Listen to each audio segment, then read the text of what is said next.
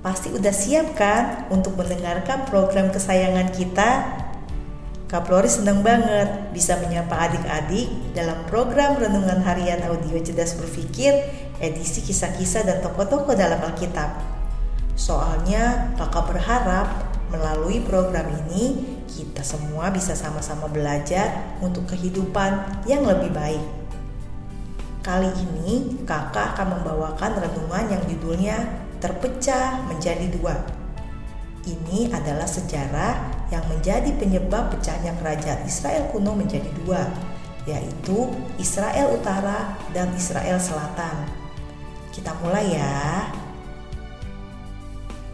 Jadi, setelah Salomo jatuh ke dalam dosa penyembahan berhala, Tuhan pun berfirman bahwa kerajaan Israel akan terkoyak dan itu ternyata beneran kejadian loh. Setelah Salomo wafat, Rehabeam anaknya menjadi raja. Lalu segenap rakyat bersama Yerobeam datang kepada Rehabeam. Yerobeam bilang gini dalam satu Raja-Raja 12 ayat 4. Ayahmu telah memberatkan tanggungan kami, maka sekarang ringankanlah pekerjaan yang sukar yang dibebankan ayahmu dan tanggungan yang berat yang dipikulkannya kepada kami, supaya kami menjadi hambamu. Rehabeam meminta mereka pergi dan datang lagi lusa. Lalu Rehabeam meminta nasihat tentang perkara tersebut kepada para tua-tua yang selama ini mendampingi Salomo. Dan para tua-tua itu memberi nasihat supaya Rehabeam menuruti keinginan mereka demi mengambil hati rakyat. 1 Raja-Raja 12 ayat 8 mengisahkan gini. Tetapi ia mengabaikan nasihat yang diberikan para tua-tua itu, lalu ia meminta nasihat kepada orang-orang muda yang sebaik dengan dia dan yang mendampinginya. Kita lompat ke 1 Raja-Raja 12 ayat 10 sampai 11 ya. Lalu orang-orang muda yang sebaik dengan dia itu berkata, Beginilah harus kau katakan kepada rakyat yang telah berkata kepadamu, ayahmu telah memberatkan tanggungan kami. Tetapi engkau ini berilah keringanan kepada kami. Beginilah harus kau katakan kepada mereka. Kelingkingku lebih besar daripada pinggang ayahku. Maka sekarang ayahku telah membebankan kepada kamu tanggungan yang berat, tapi aku akan menambah tanggungan kamu. Ayahku telah menghajar kamu dengan cambuk, tetapi aku akan menghajar kamu dengan cambuk yang berduri besi. Wah, Rehabeam lebih menuruti nasihat mereka.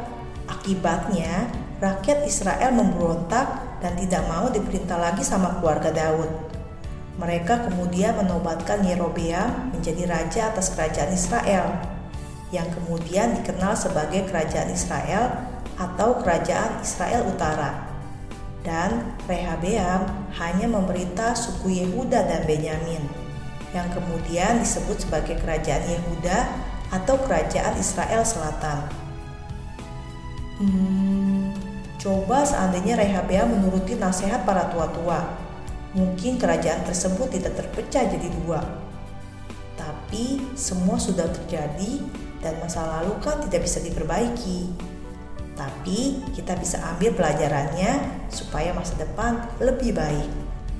Gini adik-adik, hanya karena adik-adik lebih muda, lebih up to date soal dunia, lebih dinamis pemikirannya, dan lain sebagainya, bukan berarti adik-adik jadi tidak mau mempertimbangkan nasihat dari orang tua atau nasihat dari orang yang generasinya di atas kalian.